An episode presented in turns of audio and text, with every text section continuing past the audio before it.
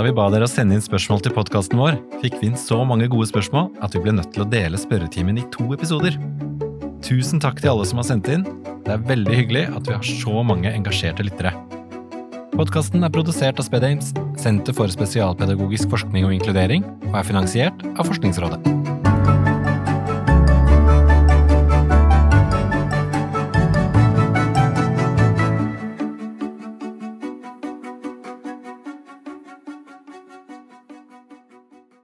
Velkommen til Spesialpedagogisk spørretime, del to. Jeg befinner meg fortsatt på det lille møterommet mitt her på Universitetet i Bergen, og i løpet av episoden skal forskere fra hele landet fortsette å svare på spørsmålene dere har sendt oss. Følg med!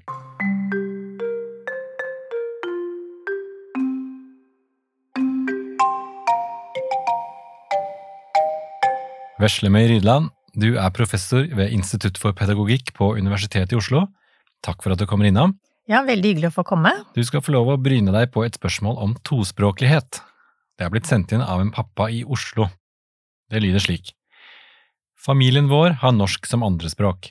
Jeg har hørt at hvis man fokuserer mye på morsmål, så kan det gå utover ferdighetene i norsk. Stemmer det? Er det bedre for sønnen vår om vi snakker norsk hjemme? Takk for det spørsmålet, det er et veldig godt spørsmål. Eh, og det er et spørsmål som eh, det er ganske lett å svare på, for det er ganske stor enighet i forskningsmiljøet om at eh, svar på det spørsmålet er nei. Eh, vi anbefaler ikke foreldre som har norsk som andrespråk, å eh, nødvendigvis å gå over til å bruke norsk. Det er særlig to grunner til det. For det første så er foreldrene en veldig viktig kilde til at barnet skal lære morsmålet. Eh, så hvis foreldrene ikke bruker morsmålet, så vil barnet mest sannsynligvis miste muligheten til å bruke det språket mens barna er små. Eh, og konsekvensen av det igjen, det kan være at det blir vanskelig for barn å kommunisere med nær familie og utvida slekt og med venner, eh, og da særlig venner eller slekt som ikke snakker norsk. Som jo er tilfellet for mange av de som har norsk som andrespråk. Eh, og klart, det å kunne kommunisere godt med de som står oss nær, det er veldig viktig for vår opplevelse av tilhørighet.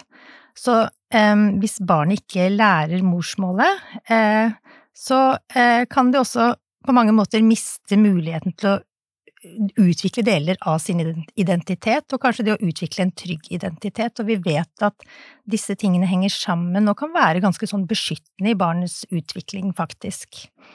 Så det er det med å beholde eh, morsmålet. Eh, der spiller foreldrene en veldig viktig rolle.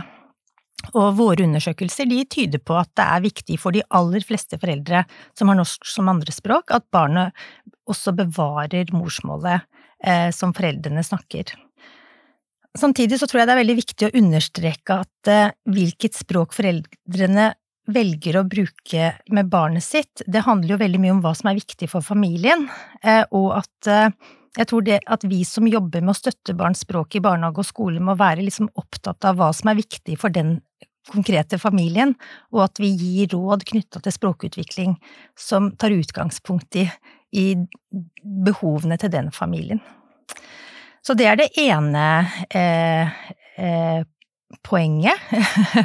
Eh, det andre temaet er jo det at vi anbefaler foreldre som eh, snakker flere språk, om å bruke det språket som de kan best når de kommuniserer med barnet sitt. Og grunnen til det er jo at når vi bruker det språket vi kan best, så kan vi på best måte nyansere barnets opplevelser, eh, forklare ting for barnet, det er lettere for oss å bruke humor, eh, kommunisere ironi, for eksempel. Altså, vi bruker jo språket til å kommunisere mening på veldig, veldig mange plan. Og det, det, tror jeg alle av oss vet når vi har prøvd å gjøre dette på et språk vi ikke behersker så godt, så klarer vi ikke det helt på samme måte. Så vi som forsker på barns språkutvikling og flerspråklige barns språkutvikling, er jo opptatt av at vi er nok mer opptatt av hva man bruker språket til, enn hvilket språk man snakker, og at det er viktigere at foreldrene tenker på hvordan de bruker språket til å støtte barn i utviklingen, enn hvilket språk de snakker. Og da må man jo gjerne bruke det språket man kan best. Men igjen så er det viktig å understreke at her er det ulike valg i ulike familier. Men hvis et barn vokser opp i en familie som ikke snakker noe norsk hjemme, er det da nok med det de eksponeres for av norsk på skolen og blant venner, eller blir de hengende etter i språkutviklingen da? Det er et veldig godt spørsmål, og for det første så er det jo sånn at de færreste barn som vokser opp i Norge i flerspråklige familier, bare eksponeres for morsmål hjemme. Det er faktisk ganske uvanlig.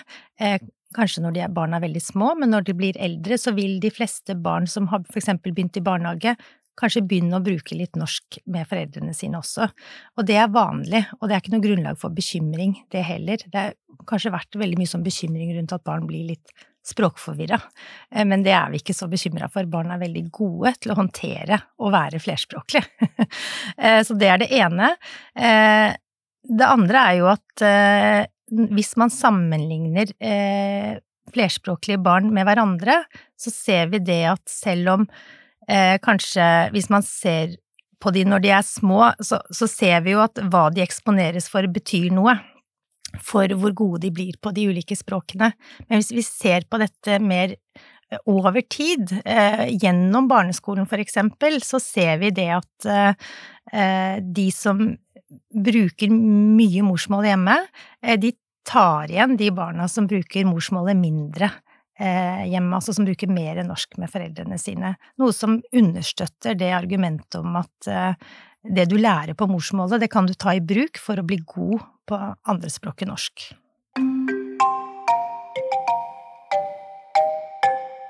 Nå skal det dreie seg om utredning, og Frøydis Morken er på plass for å hjelpe meg med det.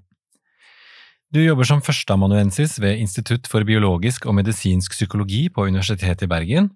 Velkommen, og takk for at du vil bidra med din kunnskap. Jo, bare hyggelig. En mor i Kristiansand har sendt oss et spørsmål, og det lyder som følger. Hvem skal utrede elever som skole og foreldre mistenker har utviklingsmessige språkforstyrrelser, og hvordan foregår denne utredningen? Ja, for å ta den første delen av spørsmålet, så hadde det jo eh, vært greit hvis det var et veldig kjapt og enkelt svar på det. Men jeg tror jeg må ta et eh, litt lengre svar for at det skal, skal gi god mening.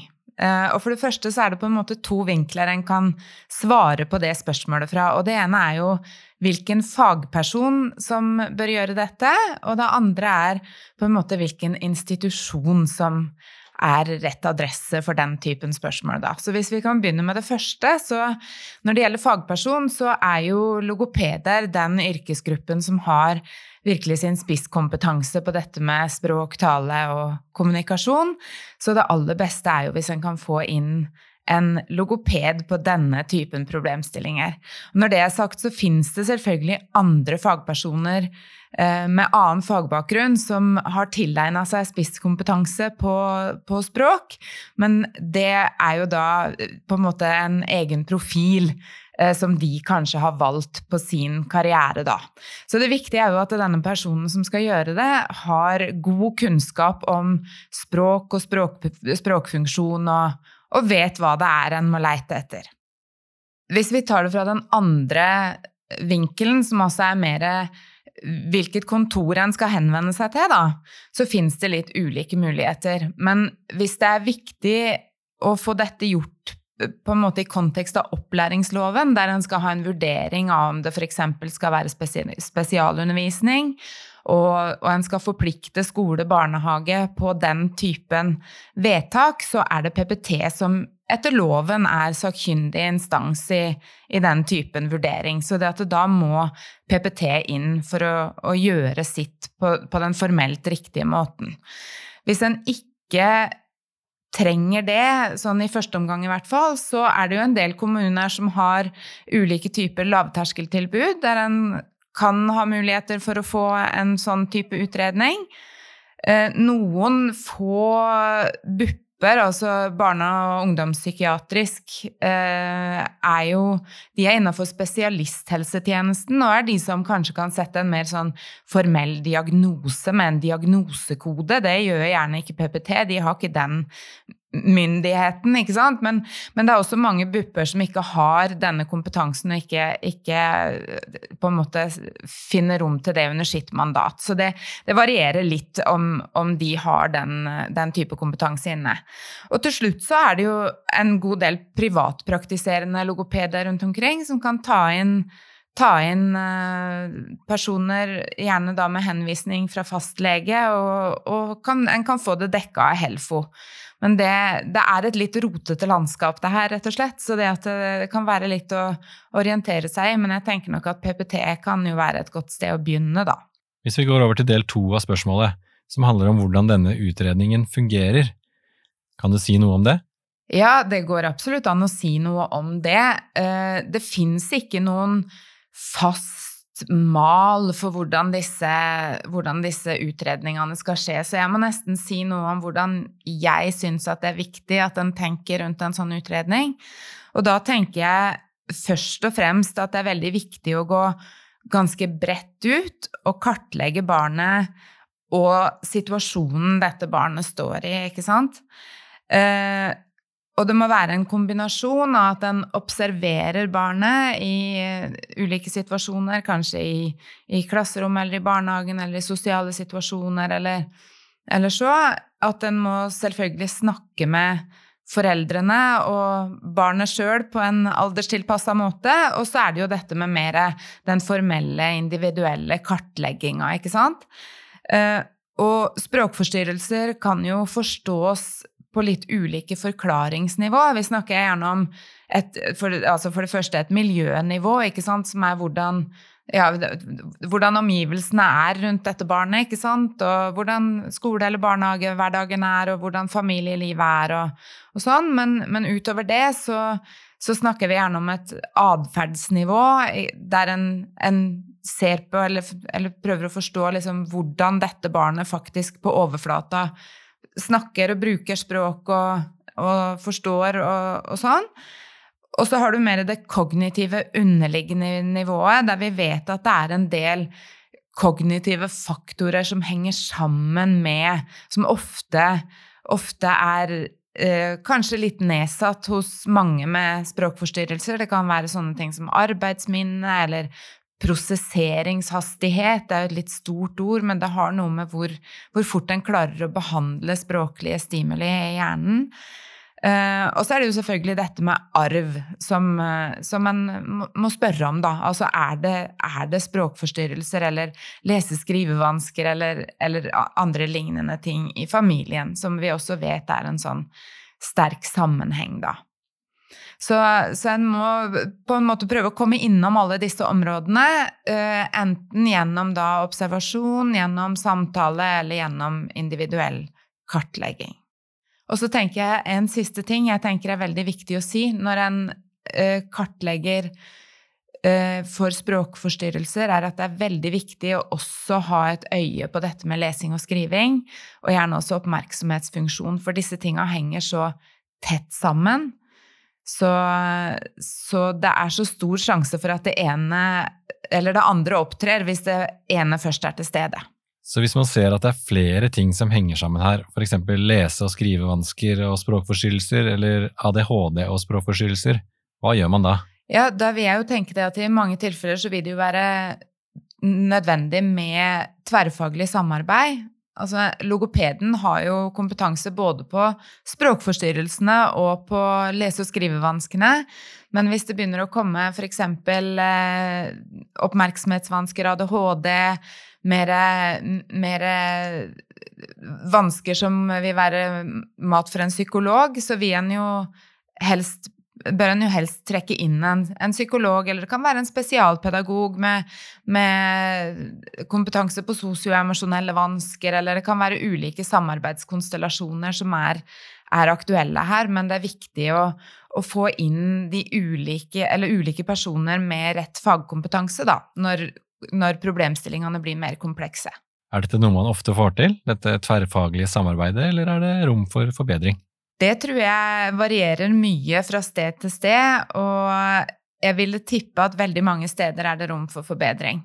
Så er det klart det at noen, noen PP-kontor f.eks. ligger jo på små steder og har få ansatte og, og, har kanskje ikke så mange å spille på. Men jeg tror det er veldig viktig at vi kommer inn i en diskusjon om hvordan sånne ting kan løses, da, for at barna skal få det beste tilbudet de kan. Vi skal holde oss litt i samme landskap, og det er Anita Lopez Pedersen, førsteamanuensis ved Institutt for spesialpedagogikk på Universitetet i Oslo, som skal få bryne seg på den neste innsendelsen. Den kommer fra en pappa i Bodø, og han skriver til oss.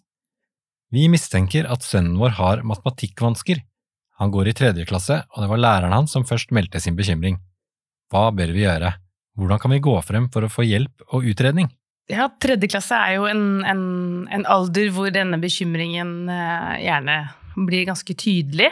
For da klarer vi å liksom lettere differensiere hva som er en spesifikk vanske med matematikk, og hva som kanskje er noe annet. Så jeg tenker det aller viktigste man kan gjøre, er å nettopp gå inn i et tett samarbeid med skolen. Eh, og det høres ut som f.eks. da allerede her har skjedd. Eh, og så kommer det jo an på i hvilken grad skolen har kartlagt. Eh, om det er en grov kartlegging, eller om man skal kartlegge mer utdypende. Det ville jeg liksom ha spurt skolen om. Hva slags informasjon har dere som gjør at dere er bekymret for dette, hvilke tiltak har man prøvd ut? Og så sammen, da, i et samarbeid med skolen, eh, starte på en henvisning til PPT. For det vil jo være PPT man her henvender seg til, som skal utrede eh, disse vanskene her. Og den informasjonen man da gjerne gir i samarbeid med skolen til PP-tjenesten, er jo nettopp hva viser disse kartleggingsresultatene i matematikk, eh, hvilke tiltak har vi prøvd ut, hva vet vi? Om f.eks. er det kjente lærevansker i familien. Alt dette er informasjon som det ofte er veldig lurt at PP-tjenesten får med en gang i en henvisning, for da vil arbeidet til PP-tjenesten komme raskere i gang. Og det PP-tjenesten gjør når de får sånne saker, er jo at de gjerne har samtaler med foreldre, eh, de drar på skolebesøk, de observerer eleven, og så samler de veldig mye informasjon. Og så gjør de kartlegginger både av eh, evne og modenhet, men også mer utdypende kartlegging i matematikk. Så setter man alt dette sammen med informasjon fra både foreldre og, og også elever. Elever på tredje trinn de kan kunne gi ganske mye informasjon selv om hvordan de selv opplever matematikken, og hva de selv tenker er både vanskelig og ikke vanskelig. Så syr man dette sammen eh, til å kunne si er dette matematikkvansker eller ikke. Er det vanlig at skolene har så mye kunnskap og bidrar så mye som du tegner et bilde av her nå? Det er nok store forskjeller, så jeg tenker at her, i denne saken her, så er det jo skolen som har meldt en bekymring til foreldrene, så da vil jeg jo tenke at da er jo det veldig bra for denne Bodø-familien, da, at skolen har oppdaget dette og oppdaga det ganske tidlig.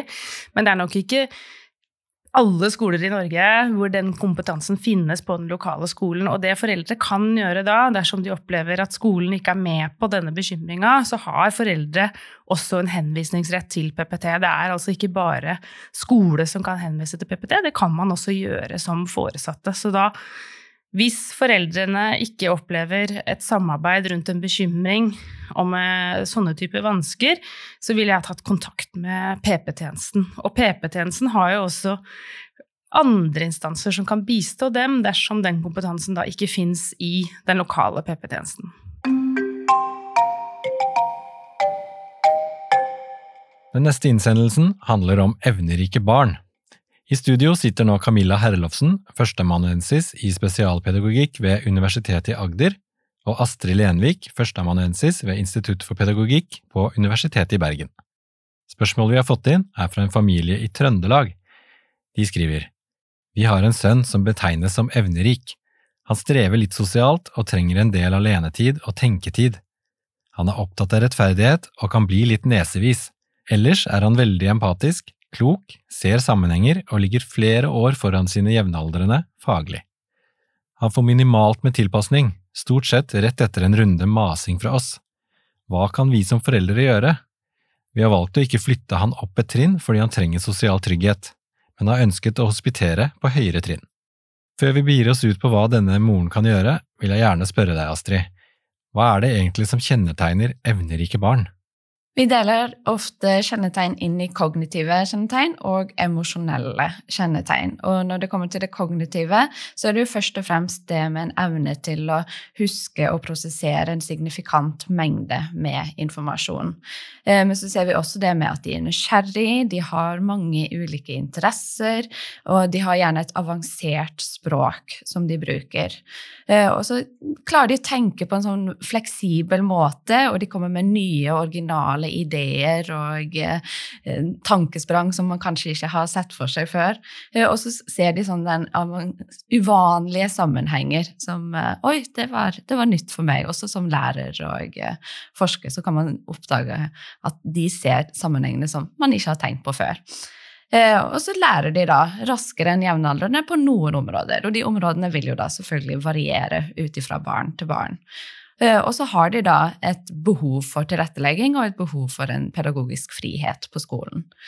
Eh, og når det kommer til de emosjonelle kjennetegnene, så ser man ofte at de har en sånn høy emosjonell bevissthet, og at de kan være uvanlig sensitive til andres følelser. At de kan være veldig empatisk, og at de kan være en litt sånn Gjerne ha en litt sånn subtil form for humor. Ofte forstår de ironi veldig tidlig. Eh, og de har, setter gjerne veldig høye forventninger og har høye krav til både seg sjøl, men også til andre. Eh, både kanskje når det kommer til karakterer, men også til andre måter, eh, liksom både tilpasninger og hva de forventer av at de skal klare. Både kognitivt, men også kanskje fysisk. Og det henger jo ikke alltid helt sammen. Så eh, hos små barn så ser man gjerne at eh, de forventer at de skal kunne mer av det fysiske enn det kroppen er i stand til ennå. Og at det da blir et, et sprik som kan være ubehagelig for dem, rett og slett.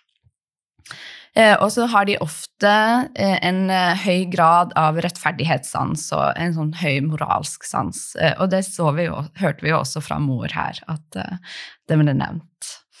Og det som jeg syns er veldig viktig å poengtere, det er at Eh, og det er jo noe som mange på en måte opplever er litt merkelig, er at vi, det er ikke et én-til-én-forhold her mellom karakterer og evner og akademiske prestasjoner. Eh, det er ikke sånn at har du eh, høye evner eh, eller stort læringspotensial, så får du automatisk sekser i alle fag. Eh, og det er mange som eh, faller ifra eller som underyter, og da ikke presterer det de på en måte har potensial til å kunne gjøre. Og det kommer jo gjerne fordi at de opplever å ikke få den tilretteleggingen eller den tilpasningen eller de mulighetene som de ønsker, for enten da gå raskere gjennom stoffet og forsere, eller å få gå i dybden i sånne eh, berikelsesoppgaver. Og vi ser også f.eks. Betz og Neihardt de har utviklet sånne ulike profiler med ulike typologier da, av uh, disse elevene. Uh, og der har du da de som, uh, de som, tilpasser seg systemet, de som blir kalt for de, de suksessfulle fordi at de tilpasser seg og gjør det som blir forventet av dem. men problemet hos de elevene er at de de tilpasser seg, det er ikke skolen som tilpasser seg til dem. Eh, og når de da gjerne kommer høyere opp, eh, f.eks. på universitetsnivå, eh, og virkelig møter på utfordrende oppgaver, så, det, så, er ikke de vant med å jobbe på den måten, og da kan de underyte eller oppleve at de kommer til kort. Selv om de i utgangspunktet da har virkelig potensial for å klare det der også. Eh, så har du de som skjuler evnene sine, de som heller tar på seg en annen maske, som ikke vil liksom vise at dette det jeg kan og det jeg vil. Og det blir gjerne for å passe inn sosialt i klassen og eh, få en tilhørighet. Og så har du de som kommer i opposisjon, eh, som kanskje heller bruker den kreative siden av evnene sine til å utfordre læreren med å være litt sånn obsternasig eller komme med løp rundt i klasserommet. altså Du får den, den type atferd som jo kan bli problematisk for alle. Eh, men du har jo også de som ikke utagerer, de som trekker seg inn i seg sjøl og bare kobler helt av fra alt. Eh, og da ikke ønsker å inngå i noe liksom, samspill. Eh, Verken med skole eller med venner eller med foreldre. Og kanskje trekke seg helt inn i seg sjøl. Så du har et veldig stort spekter av elever. Jeg har hørt om evnerike barn at de ofte kjeder seg på skolen og derfor ikke gjør det noe særlig bra. Stemmer det, eller er det en myte? Det er litt både og, og det kommer jo veldig an på hvilke tilpasninger læreren faktisk gjør, da, eh, og igjen da hvordan eh, elevene tar til seg de mulighetene som ligger der. Eh, I mitt materiale, jeg intervjuet 17 elever, da hadde jeg noen elever som var veldig flinke til å gripe de mulighetene som de fant. Blant annet ei som fortalte at de hadde fått en litt sånn åpen oppgave med sånn forslag om dette her kan dere gå inn på. Og så syntes hun alle de forslagene var utrolig kjedelige. Eh, men så gjorde hun et søk, og så fant hun et sånn veldig spisst område som tenkte det vekket interesse hos meg. Og da fikk hun lov av læreren til å gå inn på det. Hun måtte liksom ikke forholde seg til de kategoriene som var satt på forhånd. Og da, da ble det interessant. Da var det ikke kjedelig lenger. Da fikk hun virkelig gå i dybden i det som hun eh, interesserte seg for. Og det var jo da innenfor samme tematikken som alle de andre jobbet med, men hun kunne da spisse det enda mer og da virkelig fordype seg. Kan det komme til uttrykk på en måte som gjør at man ikke skjønner hva det er, sånn at det virker som om det er noe annet de strever med? Ja, ja da, og du har jo også eh, altså du har jo de som har det som vi kaller for do, eh, dobbelt eksepsjonelle. At de både har et stort læringspotensial, men at de også da har en lærevanske eller en fysisk vanske eller en psykisk vanske, og at de da, den kombinasjonen gjør det, kan gjøre det både vanskelig å finne ut av hva som er vansken, og hva som er potensialet, og at de kan dekke over for hverandre, og at du ikke klarer å se begge sidene da, av eleven. Eh, men det som er viktig da, er jo å poengtere at de har jo faktisk rett på spesialundervisning for vanskene sine. Mm. Og så over til deg, Camilla. Hvis man har et evnerikt barn og ikke får den hjelpen og tilpasningen man trenger, hva kan man gjøre da? For det første så er det jo sånn at barn som er, har et stort læringspotensial, de skal jo ivaretas innenfor den ordinære tilpassa opplæringa, som skolen har plikt til å tilrettelegge for alle elever.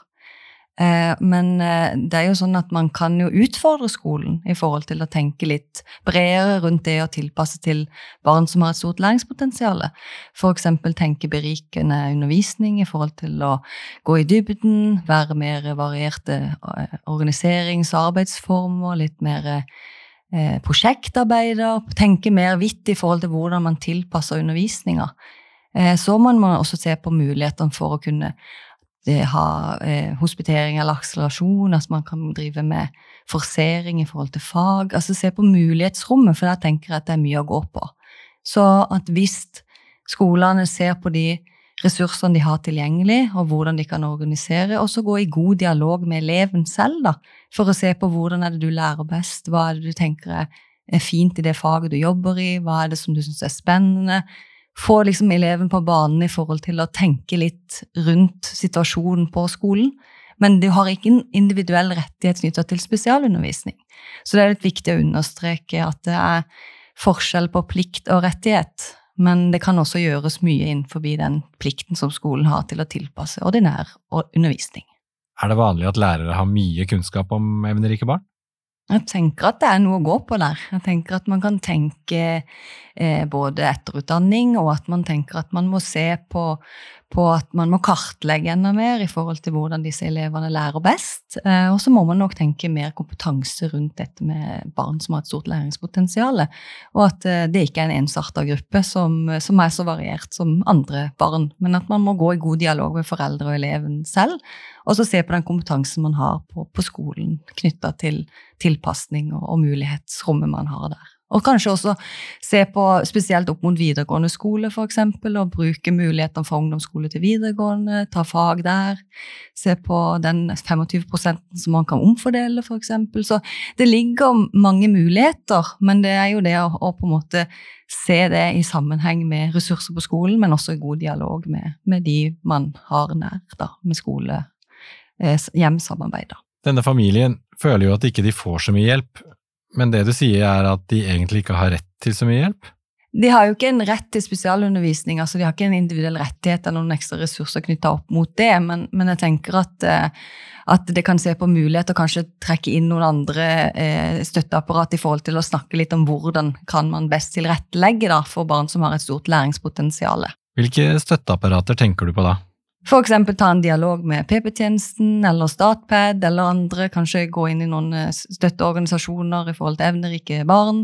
Eh, at man snakker litt med, med, lærerne i forhold til hvordan man opplever dette. Eh, at det er vanskelig når man ikke får. Fordi vi vet jo at, at barn som ikke får den støtten og den mestringa i skolehverdagen, kan jo også kunne trenge mer støttebehov da, i og med at de kanskje mister motivasjon for læring eller andre typer ting da, fordi at ikke de blir forstått i, i den ordinære opplæringa og ikke blir tilrettelagt for. da.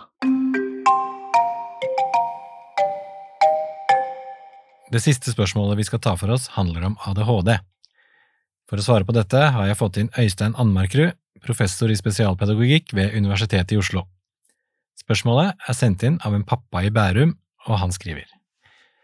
Jeg har god grunn til å tro at min datter på elleve år har ADHD.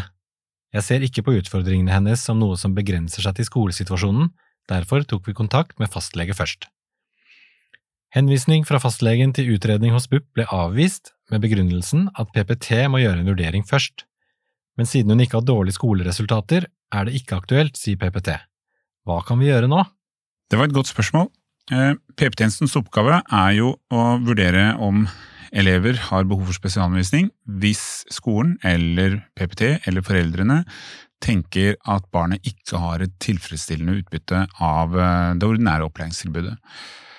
Ehm, med bakgrunn i det spørsmålet her, så virker det jo som at dette er et barn som ikke har eh, veldig uttalte vansker på skolen. Altså at det ligger i hvert fall ikke noe i den informasjonen her som tilsier at at det bør gjøres en vurdering av om eleven har tilfredsstillende utbytte, og da er det ikke sånn at PPT skal inn. Så eh, her bør eh, BUP gjøre sin utredning, uavhengig av hva PP-tjenesten gjør. Det er ikke sånn at PP-tjenesten gjør en del individuelle utredninger sånn for sikkerhets skyld, for å liksom gi BUP et grunnlag for deres vurdering, så det er to litt ulike ting. Så er det selvfølgelig en del elever som både er i BUP-systemet og i PPT-systemet, så da kan det være fornuftig at man avtaler hvem som skal gjøre hva i hvilken rekkefølge, men, eh, men det virker jo ikke som det er en aktuell problemstilling her. Denne pappaen skriver videre at han selv har vokst opp med en udiagnostisert ADHD, og han kan ikke la være å tenke på at ting kunne sett annerledes ut om dette ble plukket opp tidligere. Hva kan de gjøre dersom de ønsker å finne ut av dette? Ja, hvis foreldrene ønsker å finne ut om barnet har ADHD eller ikke, ikke det er en medisinsk diagnose, den setter ikke PPT. Så det er det helsesystemet, ofte da BUP som gjør det, eventuelt at de henviser videre til, til andre instanser. Så, så, det å sette en medisinsk diagnose, det er heller ikke en oppgave for PPT. Og så er det kanskje viktig å, å huske at i det norske systemet så er det jo sånn at en diagnose utløser ikke noen ressurser. Det er eh, elevens faglige fungering eller sosiale fungering eller utbytte eh, av når det er undervisning som utløser ressurser. Så, så for, sånn med tanke på liksom eh, ekstra oppfølging i skolen, så vil ikke en ADHD-diagnose eller ikke ha noe å si. Det var alt vi hadde i vår spesialpedagogiske spørretime. Tusen hjertelig takk til alle som har sendt inn spørsmål til oss. Vi håper dere er fornøyd med svarene dere har fått. Og tusen, tusen takk til alle forskerne som har bidratt med gode svar. Denne podkasten er produsert av SpedAmes, Senter for spesialpedagogisk forskning og inkludering. SpedAmes er finansiert av Forskningsrådet og er et samarbeid mellom Universitetet i Bergen, Universitetet i Agder, Nord universitet, Universitetet i Stavanger og Universitetet i Oslo. Takk for at du hørte på.